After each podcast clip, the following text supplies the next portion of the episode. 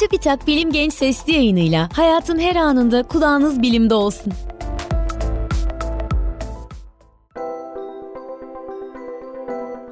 Gençler merhaba, ben Levent Kurnaz. Bilim Genç sesli yayınında gezegenlerin manyetik alanları üzerinde duracağız.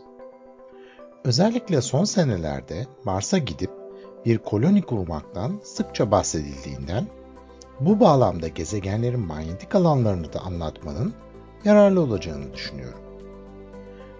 Uzunca bir açıklamanın çok kısa özeti olarak şunu söylememiz mümkün. Manyetik alanı olmayan gezegenlerde yaşamak çok zordur ve Mars'ın manyetik alanı yoktur. Dünyanın manyetik alanı uzayda dünyanın çapının yaklaşık 10 katı bir uzaklığa kadar erişir. Bu manyetik alan bizi güneşten ve uzaydan gelen bazı zararlı ışınlardan kısmen korumanın ötesinde atmosferimizin de uzaya uçmamasına destek verir. Dünyanın atmosferini dünyanın etrafında tutan en önemli unsur dünyanın kütle çekim gücüdür. Bu çekim gücü oksijen ve azotun uzaya kaçmasını engelleyecek kadar kuvvetli olduğu için dünyanın kalın sayılabilecek bir atmosferi vardır. Ancak güneşten de çevresine kuvvetli bir rüzgar saçılır. Bu rüzgar çoğunlukla hidrojen çekirdeklerinden oluşur ve elektrik yükü taşır. Dünyanın manyetik alanı olmayacak olsa, uzun süre içerisinde bu güneş rüzgarı dünyanın atmosferini de beraberinde uzaya sürükleyebilecek kadar güçlüdür. Dünyanın kuvvetli manyetik alanı, dünyanın etrafında bir kalkan oluşturarak bu etkiyi önemsiz sayılabilecek bir boyuta indirir. Bir gezegenin manyetik alanı olabilmesi için üç temel özellik gereklidir. Gezegenin hızlı dönmesi, sıvı bir çekirdeğinin bulunması ve bu çekirdeğin elektriği iletmesi. Dünyada bu üç özellik de bulunduğundan manyetik alanımız vardır. Mars'ta ise elektriği ileten bir çekirdek olmasına ve Mars'ın hızlı dönmesine rağmen bir manyetik alan yoktur.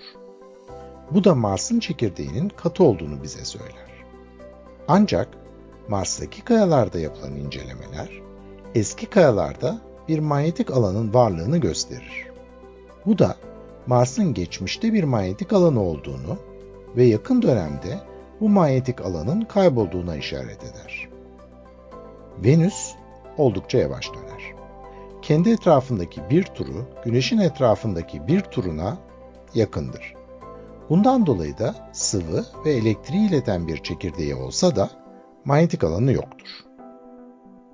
Merkür'ün oldukça büyük, sıvı ve metalik bir çekirdeği vardır.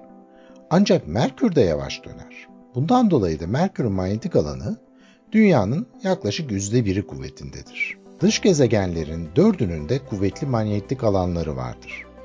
Jüpiter ve Satürn için bu manyetik alanın kaynağı iç yapılarındaki metalik hidrojen, Uranüs ve Neptün içinde iyonize olmuş sudur. Bu gezegenlerin manyetik alanları oldukça kuvvetlidir ve dönüş hızları da bu manyetik alan kullanılarak ölçülür. Mesela Jüpiter'in çapı Dünya'nın 12 katı olmasına rağmen Jüpiter kendi etrafındaki turunu 10 saatin altında tamamlar. Bu dönme hızı da kuvvetli bir manyetik alan yaratır. Güneş sisteminde sadece gezegenlerin manyetik alanı yoktur. Jüpiter'in bazı uydularının da manyetik alanları olduğu görülmüştür. Bu uyduların çoğu metal yoksun olduklarından bu manyetik alana nasıl sahip olabildiklerini anlamak kolay değildir. Ama mesela Europa'nın oldukça kuvvetli manyetik alanı kullanılarak Europa'nın buz kabuğunun altında yaklaşık 50 kilometre derinlikte bir okyanus olduğu düşünülmektedir. İyonize olmuş bu su da Europa'nın manyetik alanına neden olmaktadır. Uzaydaki nesnelere bakarken elektriği iletenin sadece metaller olmadığını unutmamalıyız. Ayrıca Europa oldukça küçük olsa da buradaki su miktarının yeryüzündeki su miktarından fazla olduğu düşünülüyor.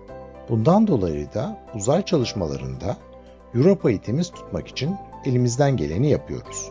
Dış gezegenlerin diğer uydularında da muhtemelen manyetik alan bulunmaktadır. Ancak bunların çoğunu henüz yakından inceleme şansımız olmadığından fikir yürütmemiz zor olabilir. Daha sonraki sesli yayınlarda bilim alanındaki diğer konulara da değinmek üzere, hoşçakalın.